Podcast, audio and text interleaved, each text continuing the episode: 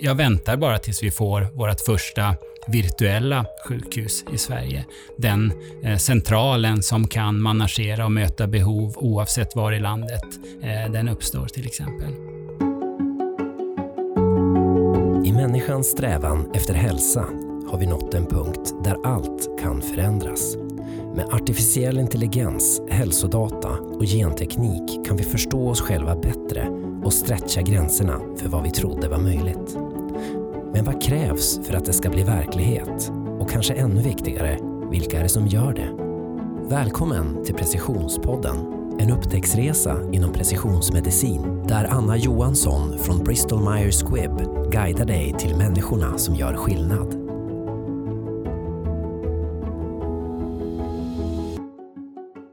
Vi säger välkommen till Precisionspodden Patrik Sundström, programansvarig för e-hälsa på SKR.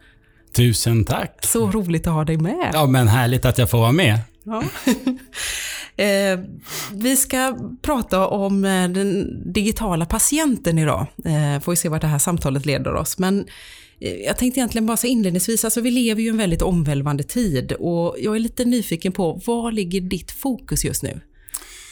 Ja, men på det privata planet, och vi pratade ju om, om det just här innan sändning, så, så ligger mitt fokus på att senare idag få ta flyget upp till Norrbotten och träffa mina föräldrar som jag nu inte har träffat på någonstans 10-12 månader. Eh, och det känns ju helt fantastiskt och jättemysigt att få eh, umgås med dem på ett coronasäkert sätt eh, under en helg. Eh, de har trots allt suttit i någon form av liksom karantän nu i, i snart sju månader. Så att det, jag tror att det, det kan bli en energipåfyllnad för dem och även för mig. Eh, men annars så, apropå den omvälvande tiden, så Eh, liksom i, i jobbet så handlar väldigt mycket just nu om att fortsätta och hitta sätt att dra växlar på det utvecklingssprång som nu har tagits eh, under pandemin, där vi har sett hur regioner, kommuner, privata vårdgivare, näringslivet verkligen har steppat upp och eh, innoverat i en takt som vi egentligen inte har varit i närheten av förut. Så mycket handlar om att liksom ta tempen på den utvecklingen, men också kanske förstå vad behöver vi göra på olika nivåer för att få den förändringen att, eh, att bli bestående och hur tar vi nästa steg i förnyelsearbetet? Eh, så det känns eh, väldigt spännande och motiverande att gå in med hösten, eller gå in i hösten med, med det utvecklingssprånget som har tagits. Men jag kan verkligen tänka mig det, för det, alltså det är ju, händer ju extremt mycket just nu. Vi kanske kommer in på det lite mer sen i, i det här samtalet, för jag vill höra såklart mer om, om eh, vad som händer och hur ni tänker, kanske framförallt där också då framöver. Men jag tänkte först att vi pratar om en annan sak eh, och det är, vi, alltså vi kollar ju av vår mobil i snitt 50 gånger per dag, eh, sägs det. Och det borde ju finnas en god potential att kunna använda mobilen i vårdplaneringen. Görs det idag på ett bra sätt tycker du? Först tänkte jag att det, det lät ju väldigt lågt med 50 gånger eh, per dag. Eh, där känner jag mig själv skyldig i så fall till betydligt fler titt och kollar på mina barn så är de ju väldigt way over det liksom. Nej, men generellt så tänker jag att mobiltelefonen och den liksom skattkista som den egentligen innehåller, den används egentligen i alldeles för liten eh, utsträckning i, i, i, arbetet i vård och omsorg. Eh, men samtidigt ska vi komma ihåg att många, många medarbetare, både i hälso och sjukvården, omsorgen och socialtjänsten, de saknar mobiltelefoner som är liksom anpassade och tillhandahållna för att de ska Eh, använda dem i sitt arbete, i sitt yrkesliv, eh, under sin arbetstid. Eh, och vi kommer också från en tid när den smarta telefonen kom och arbetsgivare gick ut med riktlinjer om att man minsann inte fick använda den och de plattformar man kunde nå genom mobiltelefonen under sin arbetstid. Eh, men nu börjar vi förstå att det är precis det vi måste göra. Det är ju där ute på internet som vi ofta snår med vår telefon. Det är där vi får reda på bästa tillgängliga kunskap snabbt. Det är där vi får reda på vilka häftiga kliniska prövningar som görs i någon del av världen som vi inte har direkt koppling till och så vidare. Eh, och det är också där som vi faktiskt lär oss eh, vad invånare har för behov och förväntningar, vad de tycker om det resultat och den service vi erbjuder eh, och vårt bemötande och så vidare. Eh, och jag tänker också att vi ser nu under pandemin hur vi faktiskt har tagit kliv inom det här området och hur hälso och sjukvårdspersonal egentligen över hela världen connectar på de här plattformarna och i de här forumen och delar erfarenheter om vad som funkar och inte funkar i vården av covid-19. Om vi går tillbaks till liksom SARS för 16 år sedan, eller vad det nu kan ha varit. Mm. Det tog veckor, månader och år för att sprida bästa tillgängliga kunskap. Nu gör vi det här i realtid för att engagerade medarbetare kommer ihop sig eh, i olika forum på internet. Eh, så det tycker jag är fantastiskt. Så även om vi har börjat använda mobiltelefoner eller internet som jag vill då egentligen kalla det mera då. Eh, I större utsträckning så har vi en, en eh, väldigt stor outnyttjad potential fortfarande. Alltså att bygga in det som en del av vårt dagliga lärande, vårt kunskapsstöd. Eh, så där tror jag att man behöver hitta strukturer och även se till att, eh, att alla våra medarbetare har den utrustning eh, som krävs för att man ska kunna hålla sig uppdaterad och, och vara med där just spännande grejer händer. Mm. Ja, för det känns som att man skulle kunna lösa rätt mycket med det här liksom som man ändå har på fickan och med sig hela tiden. Så, så att, ja, det känns som en naturlig utveckling. Ja, men absolut. Ja. Mm. Det här är ju någonting som vi nu på väldigt kort tid har vant oss som sagt att, att, att, ha i fickan och vi vill ju inte behöva använda annan utrustning eller stora datorer, utan det här är ju tillgängligt där vi behöver det när som helst på dygnet, var som helst vi är ifrån. Och i takt med att vi nu flyttar mycket av både hälso och sjukvården och omsorgen mycket närmare våra invånare, så är det den typen av liksom mobila enheter som kommer att vara bärare av data och ge oss tillgång just till internet och allt vad som kan finnas där ute. Mm, mm. Precis, och, och alla appar inte minst som finns och all, all liksom uppföljning som man skulle kunna göra mycket mer kanske också. Vilka, vilka hälsoappar har du själv? kanske vi, lite avslöjande här. nej då, eh, nej men jag, jag använder nog, eh, jag är ingen frontrunner kan jag säga sådär, så att jag suger inte ner allt spännande som finns, utan jag använder nog egentligen mycket av de vanliga hälsoapparna som finns, kanske framförallt de som eh, som mäter fysisk aktivitet. Och jag känner själv att jag, jag mår bra om jag rör mig mycket. Eh, jag blir mycket bättre på jobbet, jag blir mycket bättre hemma, liksom, eh, får en bättre livskvalitet och så vidare. Eh, så det tycker jag ger mig en tillfredsställelse att se.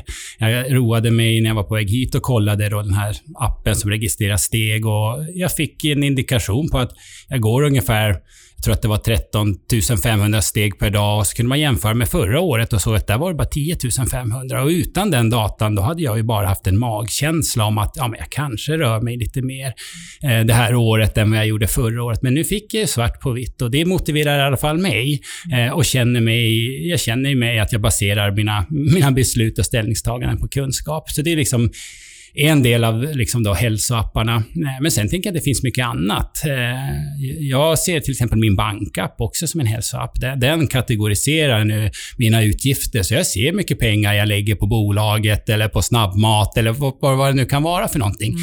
Vilket ju också ger en kunskap och man kan börja reflektera över levnadsvanor och annat som, som kan stärka hälsa. Mm. Mm. Mm, det är sant. Ja. ja. men det är mm, sant. Så det finns mycket. Egentligen skulle, så ser jag ju telefonen som, det är liksom en hälsoapp i hela telefonen. Mm. alltså på något sätt. Den smarta telefonen har ju gjort att jag har ett helt nytt sätt att känna trygghet, att ta reda på kunskap, att skapa och att upprätthålla relationer. Alltså sånt som är viktigt för att jag ska må bra i mitt liv. Mm. Eh, så på det sättet så så är den fantastisk. Eh, samtidigt så ska man förstås inte ducka inför att i all, all det här med liksom möjligheternas panorama så finns det också stora risker. Mm. Eh, och felhanterat så, eh, så kan digitaliseringen och tillgången som de smarta telefonerna ger eh, för, föra med sig väldigt mycket negativa eh, konsekvenser. Mm. Ehm, där tycker jag att det är bra, som, som åtminstone jag blir påmind nu varje vecka om min skärmtid till exempel. Det kommer automatiskt utan att jag behöver be om det. Men det gör att jag också börjar reflektera. Vad är en normal skärmtid och inte om man börjar prata om det i familjen och så vidare. Så att jag, jag, jag, tänker nog på min telefon egentligen som, som, en, som en hälsomanik eh, rakt igenom. Så. Mm. Ja, jag vet. Eh, jag fick ett så här tanke, sidospår här i tankarna bara för att jag, vet, jag har hört det här uttrycket skärmliv istället för skärmtid. Alltså att det här, skärmarna är ju här i våra liv. De är i våra liv, ja. Att, eh, och det, det, måste inte alltid vara så farligt, men att man, eh, utan att man kan ha en annan inställning till det. Nu blev det ett, helt ett sidospår, men på, på tal om det då. Men ehm, Eh, Ehm, ja, men jag tänkte, det här, det som du sa nu då, då, att det liksom, för det måste ju vara väldigt mycket fokus, tänker jag, i ditt jobb och det ni gör på SKR med och jobbar med e-hälsa och sånt där, det är just att, att ehm, titta på alla de här riskerna som du säger och liksom vad, hur kan vi få till saker fast på ett på ett bra sätt då.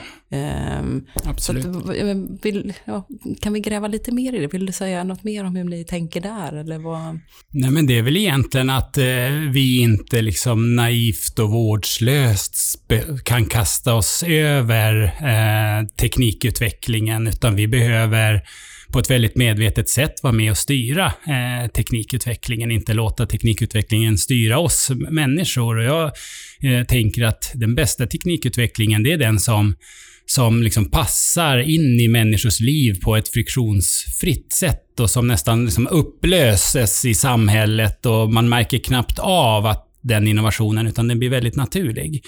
Eh, det finns mycket teknik som inte är det, utan som ger en belastning och som ger kanske alldeles för stora bieffekter eh, kopplat till den nyttan man får av den och så vidare. Så jag tror att det här är, eh, det är en väldigt viktig fråga och ska vi bli liksom bäst i världen på att använda digitaliseringens möjligheter, då behöver vi också vara bäst i världen på att hantera de eventuella avigsidor som kan finnas, alldeles oavsett om det handlar om eh, eh, integritetsfrågor till exempel, som är otroligt viktigt, men även kvalitetsfrågor och inte minst användbarhetsfrågor, eh, där vi ser att eh, alldeles för många människor idag ställs utanför de fantastiska möjligheter som de digitala lösningarna ger för att eh, lösningarna inte är universellt utformade och tar hänsyn till ja, men våra olika funktionsvariationer och eh, förutsättningar. Så, att, så här tror jag att det är otroligt viktigt att eh, offentliga aktörer, offentliga system över hela världen eh, tar armkrok med marknaden och hjälper näringslivet att faktiskt sätta fingret på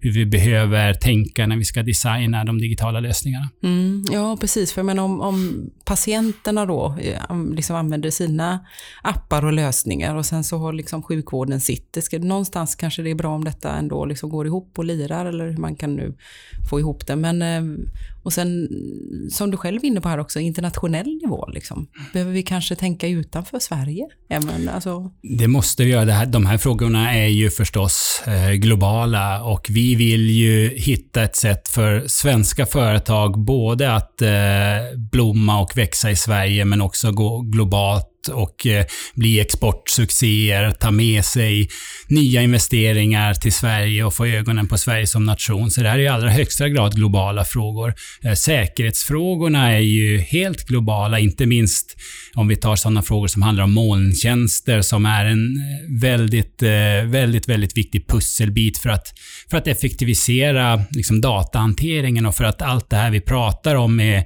AI och machine learning och så vidare ska bli, ska bli verklighet. Ehm, så behöver vi liksom stabila överenskommelser på global nivå hur vi ska hantera datan. Eh, och där har vi en stor utmaning just nu eftersom att vi, vi har länder som har lagstiftning som, som kan ge dem ett utrymme att faktiskt ehm, komma åt eh, data om, eh, om individer i andra länder på ett sätt som inte känns, känns okej. Okay. Mm. Så det är allra högsta grad, grad globala frågor. Mm. Ja, för det, just det känns ju som att det stoppar upp rätt mycket av utvecklingen idag. För just för hälso och sjukvården då och den här, eh, den här känsliga liksom, datahanteringen.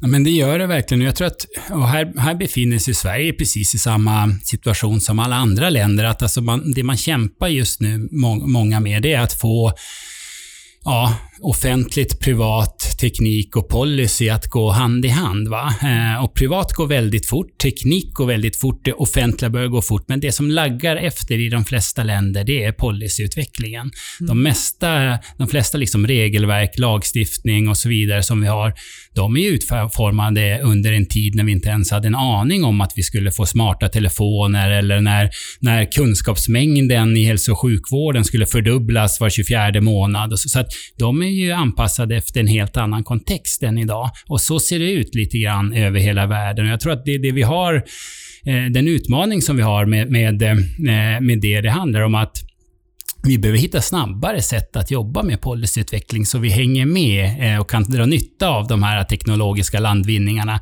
som görs hela tiden. Och då funkar det inte att du vet, tillsätta utredningar, låta dem sitta tre, fyra år och jobba och sen ska de lämna betänkande och ska det på remiss. Utan vi behöver hitta något form av, kanske ett stående organ eh, som kontinuerligt kan beta av de här frågorna eh, som man identifierar då hos offentlig sektor och hos eh, näringsliv. Mm. Är det ett förslag som ni har liksom lagt på bordet? Det är definitivt ett förslag som vi eh, har lagt på bordet i flera olika sammanhang och det är någonting som kommuner och regioner eh, efterlyser för att man, man behöver ha vägledning och man behöver, det behöver lyftas bort en del av den taggtråd som den här gamla lagstiftningen lägger. Eh, det, har inte, det har, har inte minst blivit synligt nu under pandemin när vi ser att samverkan har helt plötsligt blivit strategin. Alltså det, vi inser att de här gränserna vi har byggt upp, de är irrelevanta för, eh, för värdet eller de är relevanta för, för, för människors behov. Det vi kallar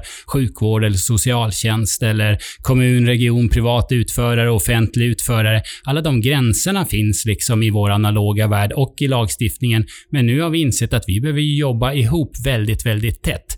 Då behöver vi få möjlighet att hantera data och information också väldigt, väldigt tätt så att vi alla har en samlad bild av individernas hälsosituation och eh, då får förutsättningar att, eh, att ge patienter och anhöriga så bra resultat som möjligt. Så, att, så det, är, det är verkligen en, en eh, prioriterad eh, fråga för oss att vi hittar ett mer offensivt sätt att jobba liksom med lagstiftning och policyutveckling. Mm. Så förutom själva arbetssättet då, vad är det mer, liksom, mer konkret, vad är det för ändringar som, som ni vill se? Man kan säga det stora problemet med, med, med, dagens lagstiftning, egentligen oavsett sektor, det är att lagstiftningen är liksom organisationsfokuserad. Eh, den utgår ju från vår gamla förvaltningslogik som Axel Oxenstierna la grunden för för flera hundra år sedan, som har tjänat Sverige väldigt, väldigt väl i självständiga förvaltningar med, med murar till andra förvaltningar och så vidare.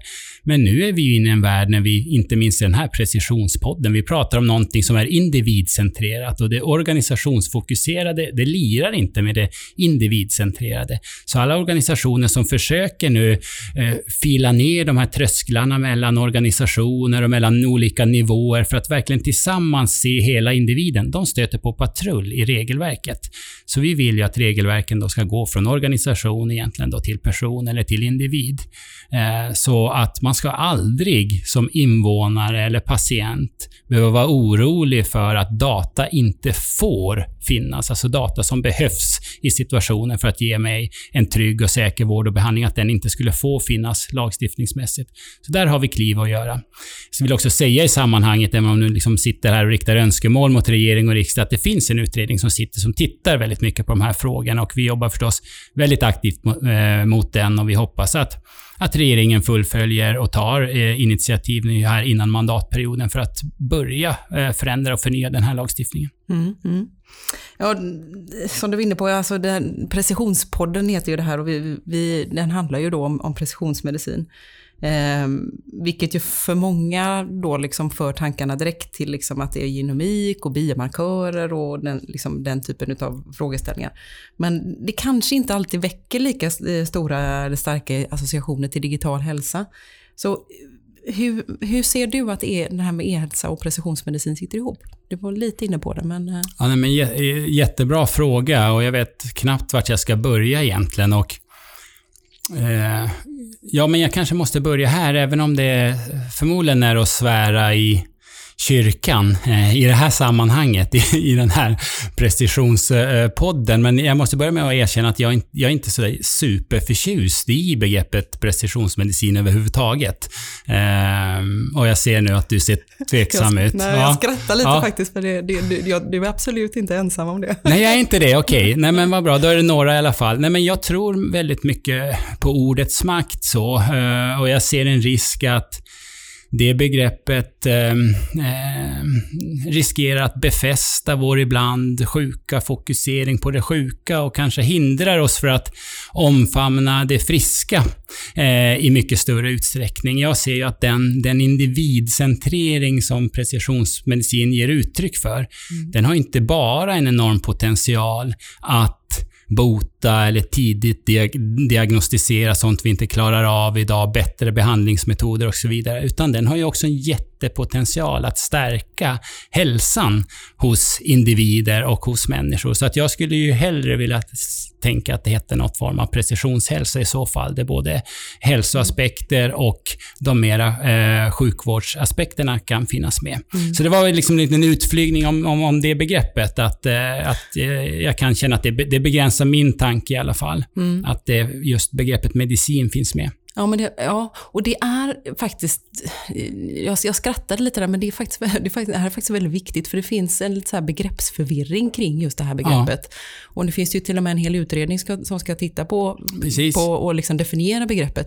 Men för det, jag tror att, för det handlar ju både egentligen om strukturer, eh, och sen så handlar det om behandlingar och sånt också. Så det, det liksom finns det olika saker mm. som ryms inom det här begreppet mm. och det blir lite, man blandar lätt ihop det mm. och så blir det förvirring. Så, att, mm. så att jag, jag, jag är med på din tankelinje och vi kanske, får, eh, vi kanske får döpa om den här podden. Men, eh, men, men, ja, men till jag, frågan. Ja, till frågan, ja, precis. Ja, men precis. Ja. Alltså det jag tänker är ju att precisionsmedicin eller precisionshälsa, vad man då skulle vilja kalla det, det hänger ju otroligt tätt ihop med teknikutvecklingen eh, och på flera olika sätt. Eh, det kan nog säkert beskrivas på flera olika sätt. Ett exempel som jag brukar ge, eh, som jag tycker är illustrativt eh, och som kanske ni lyssnare har hört mig prata om i andra sammanhang också. Det handlar om eh, egentligen kostnadsutvecklingen för att läsa mitt eh, egna genom. Eh, och det, den, den, den utvecklingen där möts liksom medicin och teknik i Zenit. Eh, det visar på den exponentiella utveckling som digitaliseringen har, både i form av ökad datorkraft, men också radikalt reducerat pris. Eh, och ger oss då helt nya medicinska landvinningar. Eh, och det exemplet jag brukar ge, det går ungefär så här att runt 2005-2006 då behövde jag stålars motsvarande två JAS-flygplan för att som privatperson kunna läsa mitt eget DNA. Eh, fyra, fem år senare, då är vi nere i en bättre, dyrare villa i något storstadsområde. Eh, 2016 så är vi nere på en rätt skruttig begagnad 80-tals Volvo på Blocket och 2022, 2023 kommer det kosta en Piggelin. Eh, och här står ju just teknik och medicinutvecklingen i Zenit. Det är ju det som har drivit på den här utvecklingen. Det, den här utvecklingen får ju jättestora konsekvenser.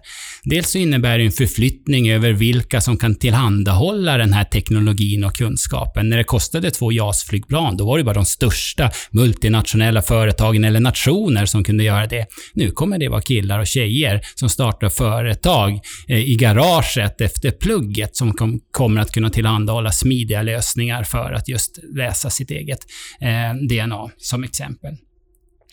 Eh, så på det sättet hänger då data och digitalisering och precisionsmedicin väldigt väl ihop. Men sen tänker jag också att det unika är väl att precisionsmedicin handlar just om mig. Eh, och hur ska man få reda på någonting om just mig? Jo, då behöver vi ju data.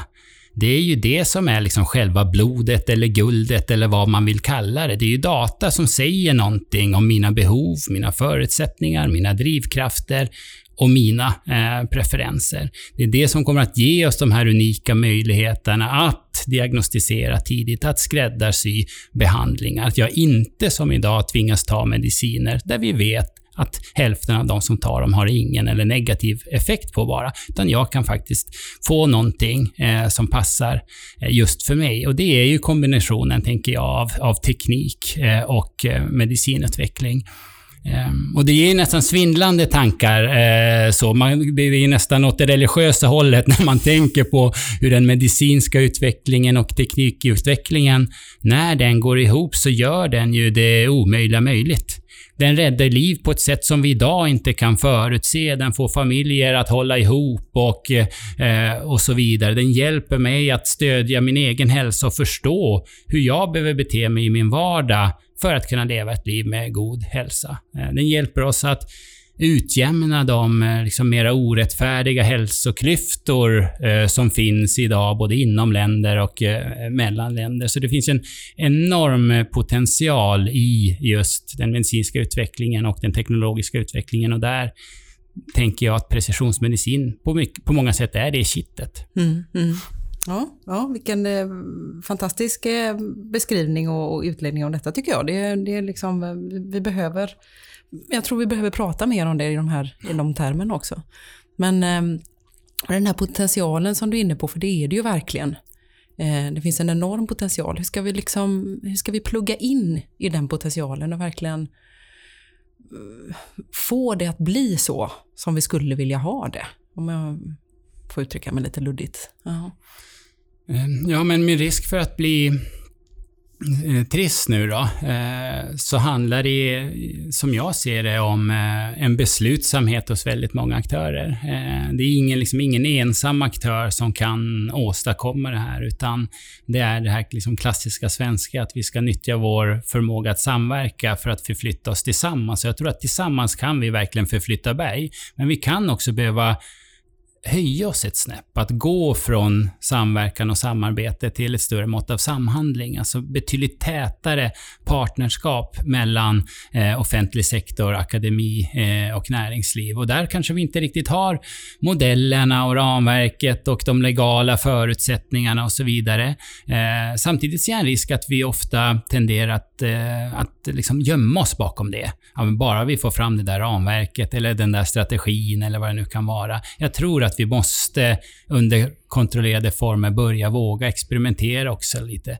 Få några sådana här riktiga liksom eh, lightning strikes, få några framgångssagor på olika ställen i landet som vi faktiskt kan använda som modell för att sen skala upp och eh, bredda eh, till, resten, till, till resten av landet. Det tror jag kan vara Eh, ett, ett, sätt, eh, ett sätt att göra det. Ehm, men, men i, i grund och botten så tror jag att det, det, handlar om, det handlar om partnerskap där vi behöver ha en vision för vad vi vill med Sverige och en väldigt konkret handlingsplan. Hur vi tar oss dit, vilken ansvarsfördelning och rollfördelning olika delar av den här sektorn har och hur vi ska gemensamt då flytta fram positionerna. Mm.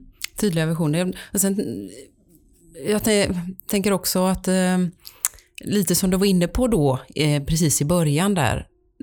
Nu efter den här pandemin, eh, när vi tar oss igenom detta så blir vi ju, vi har ju blivit mycket bättre på det. Eller hur? Ja men absolut. Det är väl ändå en utveckling då som har skett rätt snabbt nu under den här tiden. Eh, den har ju skett jättesnabbt och vi nosade ju lite grann vid det tidigare, hur det har blivit så tydligt att vi inser att gränser saknar liksom relevans. Mm. Eh, det är samverkan är strategin. Den är inte längre det här eh, som vi kan liksom lägga på på toppen om utifall att vi har tid och möjlighet och det ser bra ut eller det är goodwill, utan vi förstår att vi behöver varandra för att prestera riktigt bra resultat och vi behöver ha en mix av olika kompetenser och infallsvinklar och organisationer som finns också i sina plattformar och sina ekosystem mm. för att lyckas. Eh, så jag tror att det är otroligt viktigt också att vi tar fasta på de lärdomarna som har skett under pandemin. Det finns, jag tror inte vi kan ta för givet att det blir bestående. Eh, vi kommer att se en period nu i Sverige och i offentlig sektor där vi eh, fortsatt ställs inför ett väldigt högt tryck där de ekonomiska realiteterna gör sig väldigt kännbara. Den demografiska utvecklingen trycker på eh, på olika sätt det finns en risk där, tror jag, om man inte liksom sätter fingret på den här frågan, att man, man blir sig själv närmast. Eh, och man kanske låter de här trösklarna som vi nu har filat ner, kanske börja liksom gro upp igen. Eh, så där tror jag att vi behöver vara medvetna om och, eh, och arbeta aktivt med på olika nivåer för att se till att bibehålla den här uh, mera öppna samverkansformen som vi har sett nu. Mm. Ehm, och jag vill, jag vill bara addera till det att vi har sett fantastiska, vi ser fantastiska exempel eh, på hur våra medlemmar i regioner och kommuner samverkar på helt nya sätt, på ett sätt som man inte har varit i närheten av förut. Men jag ser också hur det svenska näringslivet har klivit fram på, som jag tänker, på ett helt fantastiskt sätt att eh, tweakat sina erbjudanden, tjänster, sett över sina portföljer och försökt förstå vad, hur, vad kan vi ändra på och justera så att det här ska bli relevant för att möta de behov som man nu, just nu står inför. Mm. Eh, och kommit med massa olika förslag och kreativa idéer om hur vi tillsammans ska möta, eh, möta pandemin. Och jag tror att någonstans i den, eh, den kraften och den viljan, eh, så det är där vi ska ta nästa, eh, nästa steg ifrån. Mm, mm. Ja, precis. Och en, en sån tydlig sak har väl varit just det här att, att gå, ta, gå från piloter till faktiskt införande. Att det inte stannar vid att vara... Vi är ju världsbäst på att ha, ha en massa piloter ja. som aldrig liksom ja. blir någonting av sen. Men det har ju varit en jättestor skillnad nu eh, under den här pandemin. Mm. Att, att man faktiskt för in det sen också. Det mm. måste in, vi måste bara ha mm. det här på plats. Den hoppas jag också att den, att den kan fortsätta, att vi kan fortsätta göra så. Du sätter i huvudet på spiken tycker jag, om jag bara, bara får liksom reflektera lite grann kring det. Vi, som du säger, vi är otroligt bra på projekt och piloter. Vi har fantastiskt många framgångsrika projekt och piloter som, som sen inte breddinförs och så vidare. Och här tror jag att vi är vi är medvetna om att, eh, att vi har den utmaningen. Och som du säger, under pandemin så har liksom frågan om varför vi behöver en digital omställning, den har blivit besvarad direkt. Det har inte funnits någon tvekan. Eh, vi har fått det trycket på oss och förståelsen har funnits. Vi har haft ett sånt utgångsläge att många har haft de här projekten och piloterna redan så att man har nu kunnat skala upp dem eh, på bredden i sitt system. Men jag tror också att det är en fråga som man behöver jobba aktivt med. Eh, den, vi kan inte ta för givet att, att det kommer att fortsätta. Det, ingenting breddinförs ju av sig själv. Sådär. Mm. Eh, och det för mig till min egen, eh, liksom min egen insikt eller min egen tro. Så där jag tänker för mig att så handlar digitalisering om, om snabb förändring av beteenden och arbetssätt med stöd av digital teknik. Eh, och om man köper in på den typen av beskrivning, då tror jag att de flesta inser ganska snabbt att den stora utmaningen här, det är inte den nya tekniken, utan det är snabb förändring av beteenden och arbetssätt. Det, kanske, det är nog inte vår paradgren i offentlig sektor. Eh, samtidigt förstår vi att ska vi jobba med det, då handlar det om att skapa så bra förutsättningar för möjligt, som möjligt för medarbetare, chefer, eh, högsta ledningen, politiker, alla nivåer. Förutsättningar för oss på alla nivåer att ändra våra beteenden och arbetssätt. Så det jag skulle vilja bara peka ut som nycklarna eh, egentligen, det är ett fokus, fokuserad satsning på, på ledarskap i en digital tid, på att se över hur vi styr och ersätter våra verksamheter så att vi faktiskt blir belönade när vi samverkar och presterar bra gemensamma resultat. Eh, våra, vår kultur och våra värderingar så att den här eh, person och individcentrerade rörelsen får vara det som gör de största avtrycken. Men också vilken kompetens vi har i våra verksamheter eh, och hur vi ger utrymme och möjligheter för, för våra medarbetare till till mer livslångt lärande. Kan man jobba med de frågorna och sen samtidigt hitta former för en, nu en ökad investeringstakt under en period och samtidigt få en del eh, lagstiftningsmässiga eh, hinder att undanröjas. Jag tror att vi har fantastiska möjligheter i Sverige. Eh, för vi ser att invånarna är redo, medarbetarna är redo och näringslivet är redo. Så att eh, jag är sjukt optimistisk och tycker att vi börjar, vi börjar från ett fantastiskt utgångsläge som många andra länder är väldigt avundsjuka på. Mm, mm. Ja, det är härlig optimism ja. här, i, här i rummet just nu, verkligen. eh, och det, det, är ju, det är ju precis så det ska vara. Och ditt jobb, tänker jag, det måste ju ändå ha blivit lättare nu också med den här liksom, eh, skjutsen som eh, hela digitaliseringsfrågan har fått. Ja, men det, det, det, har det ju verkligen blivit på många sätt. Alltså sådär. Jag, jag, min upplevelse är att digitalisering i hälso och sjukvården under ganska lång tid har betraktats som antingen det här eh, eviga löftet om frälsning eller den ständiga källan till frustration. Man har sett väldigt lite leverans men väldigt mycket powerpoints. Mm. Eh, och det som har hänt under den här perioden, det är ju att vi har, vi har slutat prata om alla de här vidlyftiga förhoppningarna om digitaliseringen. Vi har också slutat prata om alla de här, om all hype som finns kring AI, machine learning, deep learning, AR, VR. Liksom. Så vi har tagit det här hoppet och den här hypen och översatt till här. Vi har kunnat visa eh, på hur digitaliseringen kan hjälpa till att lösa de behov som invånare och medarbetare har haft här och nu. Och det tror jag är otroligt viktigt att vi bär med oss. Att det behöver vi hela tiden, samtidigt som vi blickar, eh, riktar blicken långt fram i horisonten och vill ligga i, i teknologins absoluta framkant, så får vi inte glömma att vi måste hela tiden se till att förbättra för de som arbetar i sektorn här och nu. Och det har, har vi verkligen sett bevis på under den här pandemin.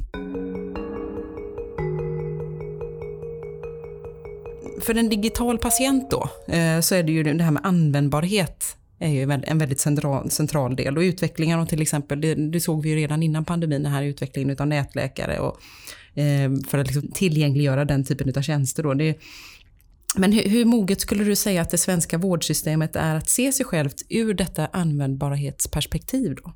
Först skulle jag bara vilja eh, stanna eh, upp kring det här begreppet nätläkare. Det nästan vänder sig i magen. Eh, jag använder det ibland eh, själv, det så ingen skugga ska falla över dig. Nej, men jag använder det ibland själv sådär utan att tänka på det. Jag ser det ofta också i, i media och så vidare. Eh, men jag tänker verkligen, jag hoppas verkligen att det är en parentes och ett begrepp som vi tar och monterar ner.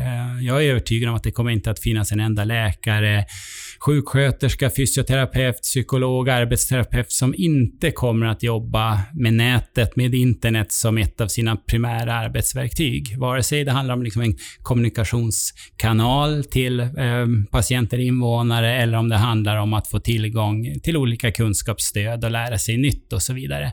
Um, så där tror jag att vi har också en, en, gemensam sak att göra. Uh, det här kommer ju att bli normalt. Uh, det här kommer att finnas i alla våra verksamheter och det vi har sett nu under pandemin är ju just det. Det är inte, den stora nyheten är kanske inte att att man i, i stora delar av primärvården i Sverige har infört möjligheter till videomöten. Det har vi ju sett att det funkar och att det har en plats och så vidare under ganska många år nu.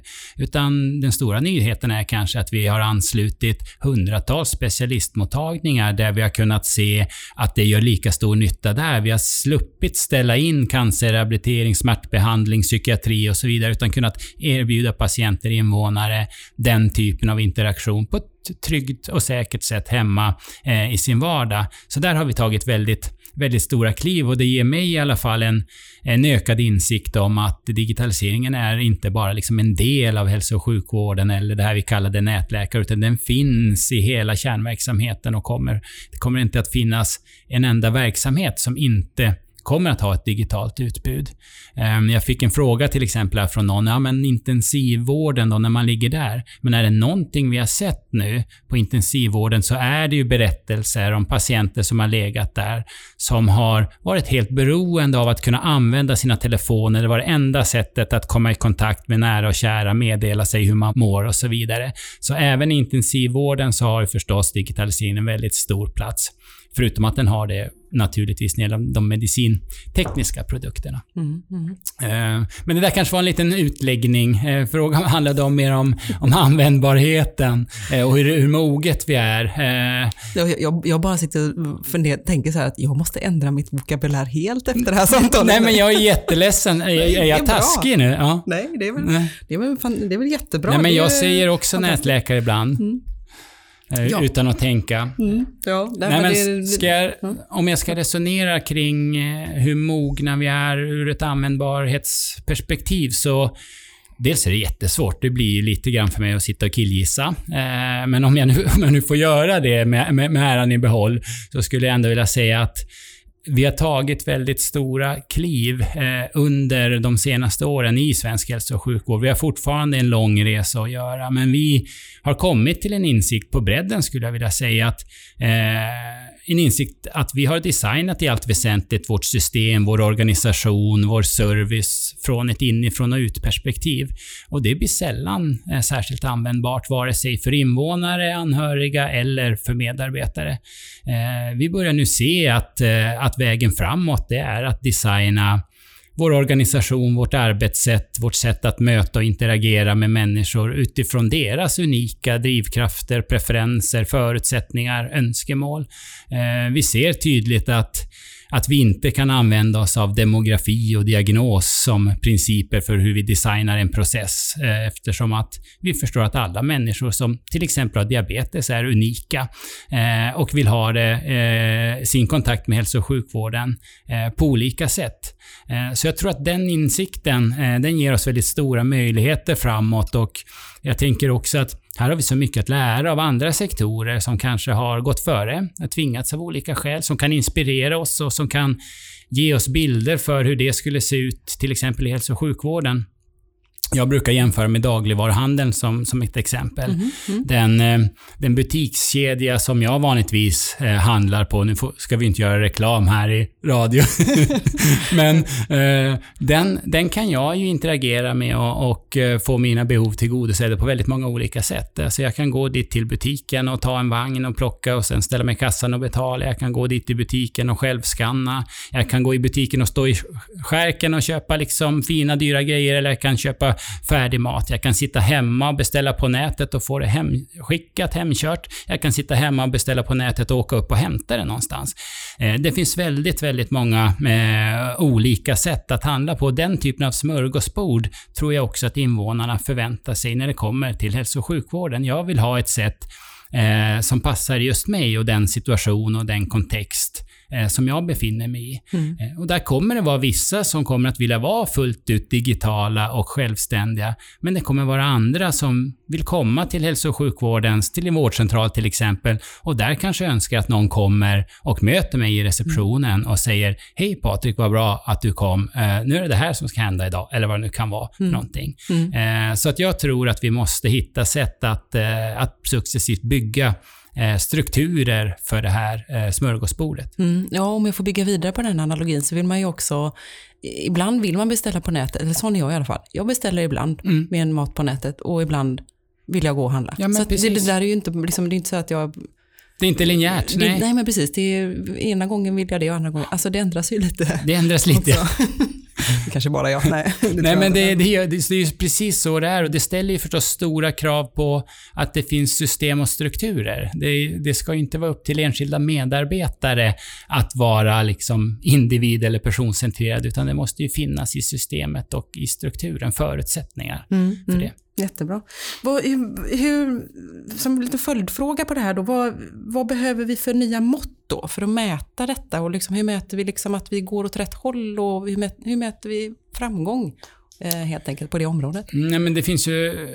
Eh, jag skulle säga att det finns ett behov av att följa utvecklingen på ett närmare håll än vad vi kanske har gjort de senaste åren. Eh, jag tror att vi behöver accelerera vår liksom utvärdering, följeforskning. Och då naturligtvis behöver vi alltid tänker jag i alla fall, ha fokus på resultatet för patienterna. Det måste vi ju alltid följa. Om vi inför nya arbetssätt och nya metoder, vad leder det till för resultat för patienterna? Det är för mig liksom överordnat allt annat. Och då tänker jag med resultat så tänker jag också in det som handlar om upplevelser eh, av vården eh, på olika sätt och inte bara de medicinska resultaten. Men därutöver så vi är ju med om en liksom, systemförändring, om en slags systeminnovation just nu, där vår gamla analoga logik och kontext kolliderar med en digital verklighet. Och det behöver vi också, tror jag, utvärdera och analysera. Eh, vilka effekter har digitaliseringen på hälso och sjukvårdssystemet i stort? På resurseffektiviteten, på arbetsmiljön, på kvaliteten och så vidare. Vilka nya krav ställs det både på policyutveckling, på organisering, på nya partnerskap. Eh, så där tror jag att vi behöver hitta sätt att, eh, att följa utvecklingen.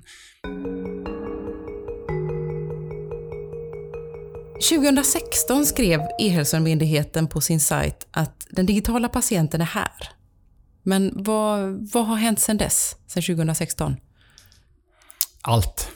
skulle jag vilja säga. Nej, men det har ju hänt jättemycket. Eh, en stor utveckling sedan 2016, även om vi kan tycka kanske att det har gått eh, lite för långsamt i, i några delar.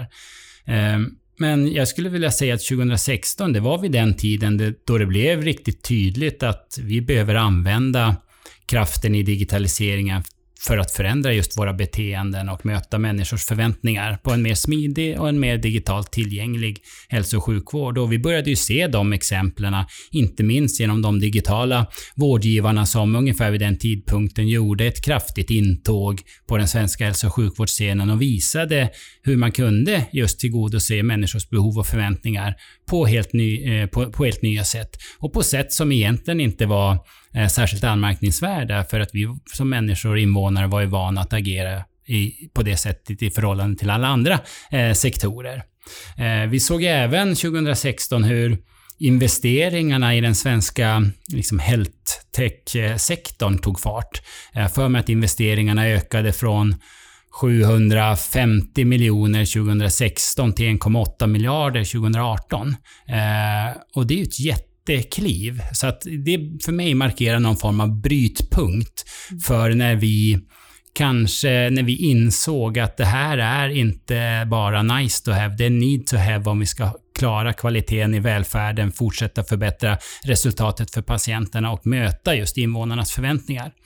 Vid den här tiden också så eh, beslutade majoriteten av landets regioner att göra historiskt stora investeringar för att införa nya vårdinformationsmiljöer, för att kasta ut mycket av den här gamla Eh, tekniken som man har investerat i allt sedan 80-talet och in med nya smidiga digitala lösningar som då ska möjliggöra nya arbetssätt för medarbetare och ett mer individcentrerat förhållningssätt kopplat till eh, patienter och anhöriga. Eh, så allt det här tänker jag, det har ju hänt, eller hände ungefär där i brytpunkten och det kommer vara de kommande 3, 4, 5, 6 åren som vi kommer att behöva skörda Eh, frukten både av eh, de här investeringarna i näringslivet, de investeringar som regionerna gör och eh, vår insikt om att vi behöver förnya oss. En annan reflektion som jag gör är att vi, jag tror också att vi har börjat inse att vi människor är ju vana nu att agera digitalt och liksom glappet mellan hur smidigt vi agerar digitalt i förhållande till andra sektorer och vad man då har blivit, haft möjlighet att göra i relation till hälso och sjukvården, det glappet har ju varit för stort. Eh, ser också tydligt att, eh, att vi människor eh, inte längre nöjer oss vid att jämföra den vårdcentralen med den, eller det sjukhuset med det, eller det landets sjukvård med ett annat lands sjukvård, utan det här flyter ihop även till andra sektorer. Det blir lite grann som att min, min bästa upplevelse någonstans i vilken sektor som helst, det blir min förväntan på allt annat. Så vi börjar inse att med den smidighet som jag beställer en bok, bokar en resa eller vad det nu kan vara för någonting. Den smidigheten förväntar jag mig också i situationer när jag ska möta hälso och sjukvård, socialtjänst, försäkringskassa eller vad det nu kan vara för någonting. Mm, mm.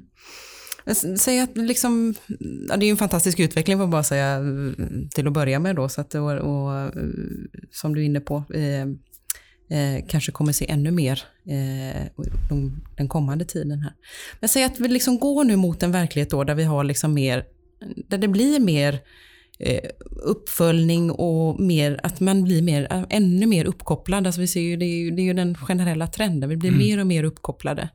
Eh, och detta skulle man ju kunna använda då eh, för att undvika att hamna i kroniska tillstånd till exempel. och sånt här. Men eh, vad innebär det då?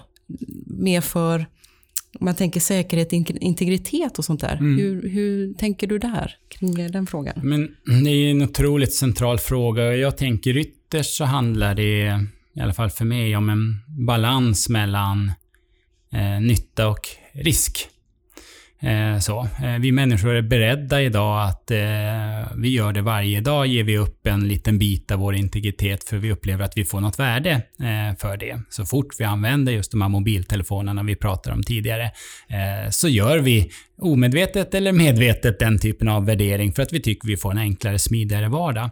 Eh, det svåra med det här, det är ju att vi pratar ju just om en personlig integritet. Eh, den är ju liksom högst individuell. Eh, och även om man kan på någon form av aggregerad nivå se liksom strömningar, var lutar majoriteten åt och vad tycker den yngre generationen med olika undersökningar och så vidare. Så ytterst eh, så är den individuell och personlig, vilket, eh, vilket ger oss en utmaning. Eh, samtidigt så, även om den är personlig, så är ju det här en fråga ytterst om kvaliteten i välfärden, om hur mycket pengar vi är beredda att lägga på det gemensamma, alltså hur mycket skatt vi ska betala till exempel. Eh, det är också en fråga om, hur skap, om, om goda eller mindre goda förutsättningar för tillväxt, för konkurrenskraft, om mindre goda eller goda förutsättningar för nya landvinningar, i, i, till exempel inom forskningen. Så det är en helt central fråga egentligen för hela samhällsbygget.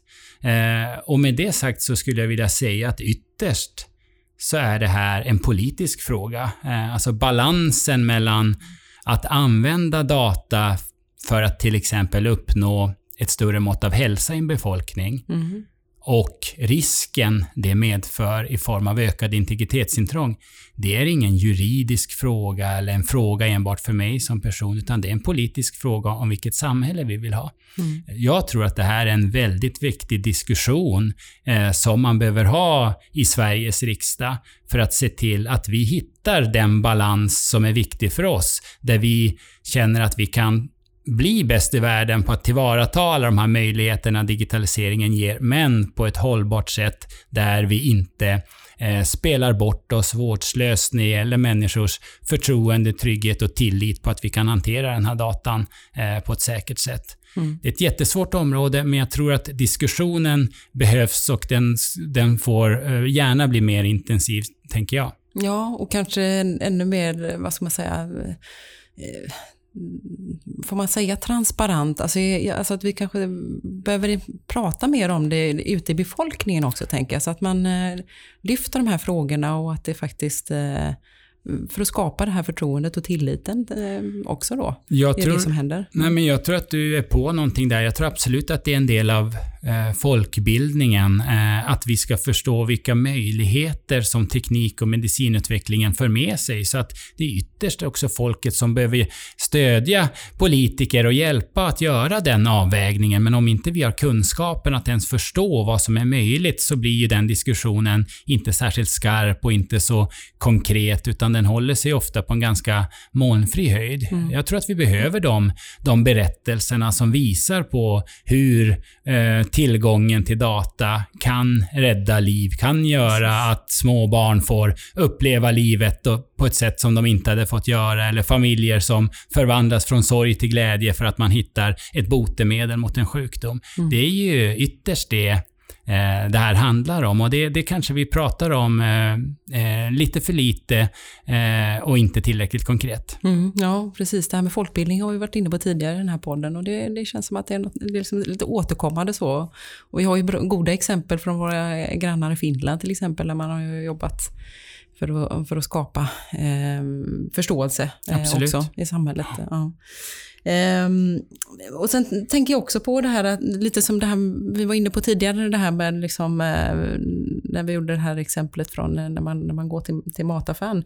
Men det är ju också olika här, hur man tänker kring det. Alltså att man ska vara ständigt övervakad eller liksom konstant uppkopplad, eller hur man nu vill uttrycka det då. Men, men för vissa kan det ju vara väldigt integritetskränkande. Och sen finns det andra, sen liksom på andra sidan av den skalan så är det de som, som vill, vill dela allt hela tiden. Eh, och vi har haft flera stycken faktiskt här i podden som har varit sådana här som förespråkar liksom mer delning. Vi måste dela mer data. Och du är ju lite, lite grann inne på det också då. Men hur, hur, hur tänker du kring liksom, Liksom, hur ska vi tillgodose allas behov och preferenser i detta då?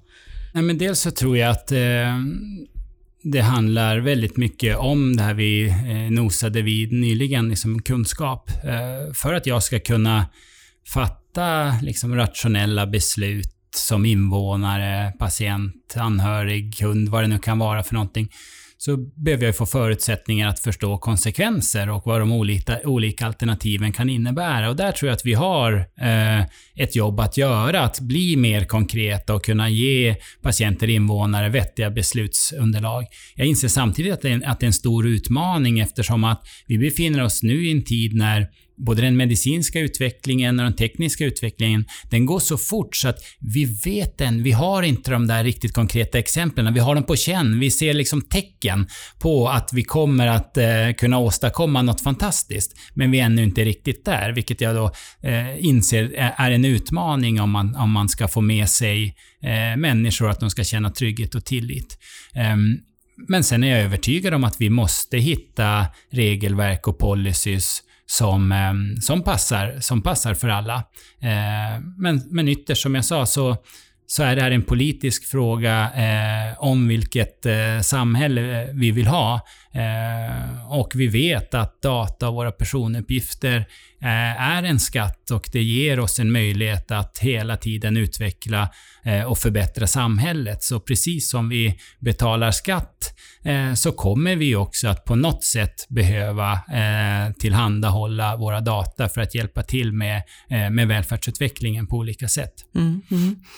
Ja, och vi, vi, det här med data, det, det blir ju verkligen, alltså det är ju som, som vi sa här, det är ju liksom så oljan i, i maskineriet på, för precisionsmedicin, precisionshälsa, förlåt, nu ska jag byta det ordet. Eh, och det handlar ju, det kräver ju liksom att, att patienten är med i det och, och liksom inte bara medverkar utan till och med medskapar, kanske mer, ännu mer på sikt då. Eh, hur, hur jobbar ni med, med patientmedverkan? Eh, men jag tänker det är ett sånt område där, eh, som hela tiden utvecklas. Alltså i den rörelse som har pågått under ett antal år med en mer personcentrerad vård och framförallt i den omställning som sker nu eh, till en mer nära vård så är det helt centralt. Det är liksom ledordet egentligen, att utgå ifrån patienters behov och som vi pratade om, drivkrafter eh, och preferenser. Eh, vi har också insett att vi har haft det här inifrån och ut-perspektivet livet och att det räcker inte att ha med en, en patientrepresentant i en styrgrupp, utan vi behöver hitta sätt att strukturellt fånga patienters perspektiv. Eh, och det att det är de som ska vara eh, utgångspunkt för hur vi designar olika lösningar eller arbetssätt eller vad det nu kan vara för någonting. Eh, och där ser jag hur många regioner, kommuner och privata vårdgivare nu börjar hitta mer eh, systematiska sätt att jobba enligt eh, någon, någon form av designkoncept där man samskapar med användare. Eh, vi vet också som privatpersoner att, eh, att lösningar som vi, som vi erbjuds eller visas som inte har haft involvering från användare, de har väldigt, väldigt liten chans att lyckas. Eh, så, att, så jag tror just att den här användarinvolverande utvecklingen, där vi har med oss både medarbetare men patienter och invånare, är en av de viktigaste framgångsfaktorerna. Mm, mm sånt som, som rör liksom kanske mer integritetsfrågor och etiska frågor och sånt. Hur, eh, hur jobbar ni med det? Har ni liksom etiker som, som ni har som bollplank och jag, eller som, som till och med sitter med i de här arbetsgrupperna, eller hur funkar det? Ja, nej, ja. men jag vet att det på regionnivå eh, så finns det den typen av exempel. Eh, hos oss så jobbar vi på nationell nivå så jobbar vi med de olika grupperingar som finns kring, kring medicinsk etik och annat. Vi jobbar ju förstås nära Statens medicinsk-etiska råd och även andra professionella eh, grupperingar som pratar just om prioriteringar och, eh, och etik. Men på, på liksom region och kommunnivå, där ju man driver själva utvecklingen, så vet jag att det finns, eh, finns sådana exempel där man involverar i, den här, i de här olika frågorna eh, etiker för att få hjälp med metoder för ställningstaganden och, och prioriteringar där man då har fångat in eh, de här etiska aspekterna. Men jag kan tänka mig att det är ett sådant område också där vi skulle behöva kraftsamla eh, ännu mer och, eh, och göra det arbetet tydligare. Mm, mm. Och här tänker jag då, för att nu, nu, nu vet jag, vi, vi har ju liksom en, en, planering här för podden och jag kommer ju ha alltså både Lars Sandman som är professor i hälso och sjukvårdsetik ihop med Lina Nordqvist som inte bara är riksdagspolitiker utan hon sitter även med i SMER. Spännande. Eh, som kommer här eh, inom kort.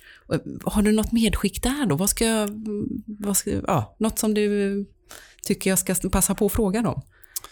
Nej, men jag tänker, vad kul att ni hade båda dem då, en etiker och en politiker. Då ska jag fundera på någon fråga som kan rikta sig till båda. Och, och Lars är en väldigt klok person som jag träffat i olika sammanhang. Och det vore intressant att Lars och Lina då mm, resonerar kring detta att vi ofta tenderar att göra de här politiska frågorna och politiska avvägningarna till frågor om ekonomi eller juridik. Det här som jag sa, till exempel balansen mellan integritet och eh, ökad hälsa eh, gör vi ofta till en juridisk fråga, men det är ytterst en politisk fråga om, om vilket samhälle vi vill ha, vilka möjligheter vi vill ta vara på och så vidare. Så det vore intressant att höra. Mm. En, annan, en annan intressant sak som jag kommer att tänka på, det är vilka etiska dimensioner som det finns hur ska jag säga, på det faktum att, att vi har regelverk som ger oss människor eh, en grundläggande rätt ofta att eh, samtycka eh, till något eller att säga nej, att avstå från saker, till exempel informationsdelning. Samtidigt så har vi en eh, teknik och dataexplosion som, som gör att vi har väldigt svårt att värdera våra egna ställningstaganden. Mm. Eh, så det vore intressant att höra hur de resonerar kring liksom, hur ser vi till att de här rättigheterna vi har, att de faktiskt blir reella, att de är värda någonting och att de inte bara blir en liksom, chimär. Mm, eh, mm, så det tänker jag. Bra fråga. Mm. Sen vore det kul att veta vem som syr upp Lars häftiga kostymer. Så att det hoppas jag får svar på. Ja, men det är ju den viktigaste frågan. Exakt. ja. Bra inspel där. Det här ska jag definitivt ta med till det, till det samtalet. Um, alltså jag, jag märker, du är ju en person som verkligen brinner för uppgiften att driva och utveckla vården. Det är ju rätt uppenbart i det här samtalet. Hur, hur hur är det då att arbeta med förändring när det inte är någon som ensam äger frågan och att vi alla på något sätt är del av den här lösningen? Ja, men jag tänker att det är ju en fantastisk förmån. Eh, vad trist det vore om det kunde sitta någon allsmäktig någonstans i regeringskvarteren eller på Hornsgatan 20 där SKR sitter och pekar eh, med hela handen. Utan det fantastiska är ju att det tillsammans i olika kompetenser, olika roller, eh, olika erfarenheter i det samskapandet som vi kan göra saker som har så mycket större värde än vad vi kan tänka ut var och en för sig. Och jag är helt övertygad om att framtidens hälso och sjukvård kommer att vila på axlarna av de starkaste av partnerskap. Det finns ingen annan väg framåt. Det finns ingen ensam aktör som kommer att kunna möta de behov och de utmaningar som finns, utan man måste ta hjälp av andra. Vi har sett det väldigt tydligt under den här pandemin och vi kommer att se det framåt. Jag tror att vi kommer att behöva gå in i en period eh, när vi utmanar oss ännu lite mer och går från från samverkan till mera samhandling, att vi hittar modeller att göra eh, armkrok på riktigt mellan privat och offentligt eh, näringsliv eh, och akademi. Mm. Men hur, hur, ser du liksom, för att det, det, är ju rätt svåra, stora ibland, eh, rätt ofta för, min, för din del då, nej men, och liksom väldigt svåra frågor som man ska lösa här. Som handlar liksom om strukturer i vården och ägarskapsstrukturer och sånt där. Vad, hur jobbar ni med det? Vad görs liksom? För det här? Nej men jag tror att eh, ett inkluderande liksom sätt att arbeta eh, där man har en öppen dialog med alla de aktörer som har en, en del, någonting att bidra med det här är otroligt viktigt. Eh, att hitta en gemensam målsättning, vision, en riktning någonstans som väcker engagemang på olika nivåer i systemet tror jag också är otroligt viktigt. Eh, jag tror att det är viktigt också att man diskuterar roll och ansvarsfördelning eh, och så man på något sätt kan bidra med olika delar så att vi tillsammans flyttar fram positionerna i den riktning och kring den målsättning som vi har bestämt. Eh, jag tänker också att det är väldigt viktigt, inte minst för områden som hälso och sjukvården, att man är väldigt tydligt överens om att värdet av vården skapas i mötet eh, mellan just vårdens medarbetare och våra invånare och patienter. Eh, skapas inte i regeringskvarteren eller på Hornsgatan eller på något företag eller på någon forskningsinstitution, utan vårt uppdrag tillsammans det är ju att ge vårdens medarbetare så goda förutsättningar som möjligt att tillsammans i ett samskapande med deras patienter öka det här värdet och förbättra eh, resultatet för patienterna. Och det tror jag är en väldigt viktig insikt och en viktig utgångspunkt. Eh, att vi är ju en stödfunktion till de som jobbar eh, uppe på vårdgolvet och det ger ju för mig en otrolig meningsfullhet att gå till jobbet om jag ens känner att jag har en promilles susning att vara med och påverka så att alla de som jobbar i svensk hälso och sjukvård får en bättre vardag eh, och kan bidra till bättre resultat. Mm. Så att jag tror väldigt mycket liksom på det samtalets goda kraft och på att hitta eh, gemensamma målsättningar, en tydlig ansvarsfördelning. Sen skulle jag vilja lägga till också att eh, vi är, vi är i en, en, period när vi kanske måste också kliva fram och våga lite. Vi kanske, det kanske inte räcker just nu med att göra lite bättre varje dag, alltså det klassiska förbättringsarbetet, utan vi kanske behöver ta hissen upp några våningar eh, så just nu och då, då kommer det krävas ett stort ledarskap och det kommer krävas mod och handlingskraft.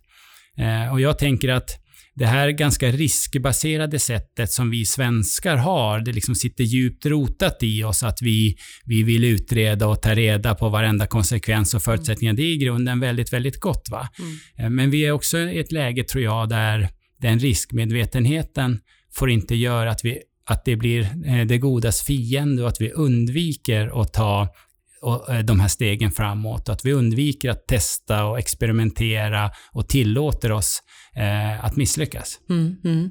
Ja, så att eh, våga testa och du har ju efterfrågat eh, det här mer det politiska också då. Men annars är du ju, du är ju rätt diplomatisk i dina svar. Liksom sådär, mycket, men jag tänker, men det... saknar du inte liksom ett, i vissa lägen i alla fall ett, liksom ett tydligt grepp? Liksom ett, kanske nationellt ifrån liksom för att få styr på alla de här regionerna. Nu, nu går vi dit. Vi inte göra likadant nu allihopa. Jag tror ju just att styrkan finns i mångfalden och eh, inte i enfalden. Mm. Eh, jag tänker till exempel jag hör inga förslag om att man skulle ta alla 3000 life science-företag eh, i Sverige och lägga dem under samma moderbolag till exempel. Eh, det är ingen som lägger fram de förslagen och tänker att ja, men det kommer bidra till stor innovations och förnyelsekraft och verkligen att vi eh, skapar bra grejer. Precis samma sätt är det i hälso och sjukvården. Mm. Det är ju närheten till dem det berör som är helt avgörande för varför vi har förflyttat hälso och sjukvården i Sverige till de posi den position vi befinner oss i, som ändå är i, i världsklass. Vi har absolut eh, behov av att flytta oss ännu mer kraftfullt och förnya oss, men jag tror också vi måste vara uppriktiga och tänka att vi börjar från ett väldigt bra eh, utgångsläge. Och då tror jag på mångfalden och inte på den här allsmäktige som, som pekar eh, med hela handen. Mm, mm. Ja, Och skulle jag få och skulle jag få önska någonting eh, så skulle... Ja, det får man göra. Ja, det får jag göra. Härligt. Ja. Och Lina kommer ju här i nästa avsnitt. Och skulle det vara ett önskemål då till Lina som, eh, som då sitter i Sveriges riksdag så, så skulle det vara att vi i Sverige får inom vissa geografiska områden byråkratiska frizoner eller administrativa frizoner där vi faktiskt under kontrollerade former och med undantag från en del av den lagstiftning som idag tynger ner våra ryggar få testa att samskapa på nya sätt. Jag tror inte till exempel om vi skulle börja om från ett vitt papper att vi hade hittat på alla de här gränserna som vi idag har i offentlig sektor och vi har hälso och sjukvård, socialtjänst, kommun, region, privat, offentligt och så vidare.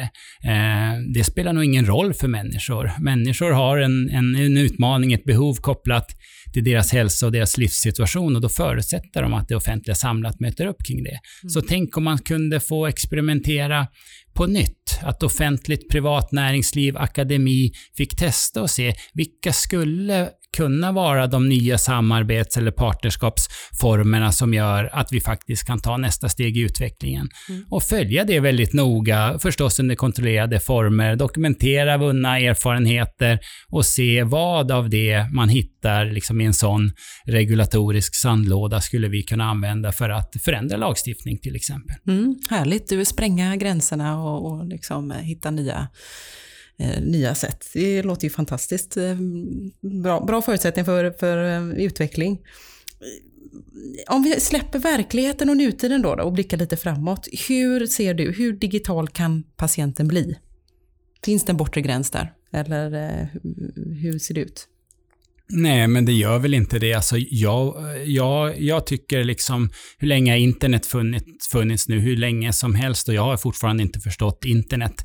Uh, så det känns liksom förmätet av mig att gissa ens liksom hur framtidens patient kommer att se ut. Det enda vi vet är ju att det kommer inte att vara uh, som idag. Det finns nog inga begränsningar.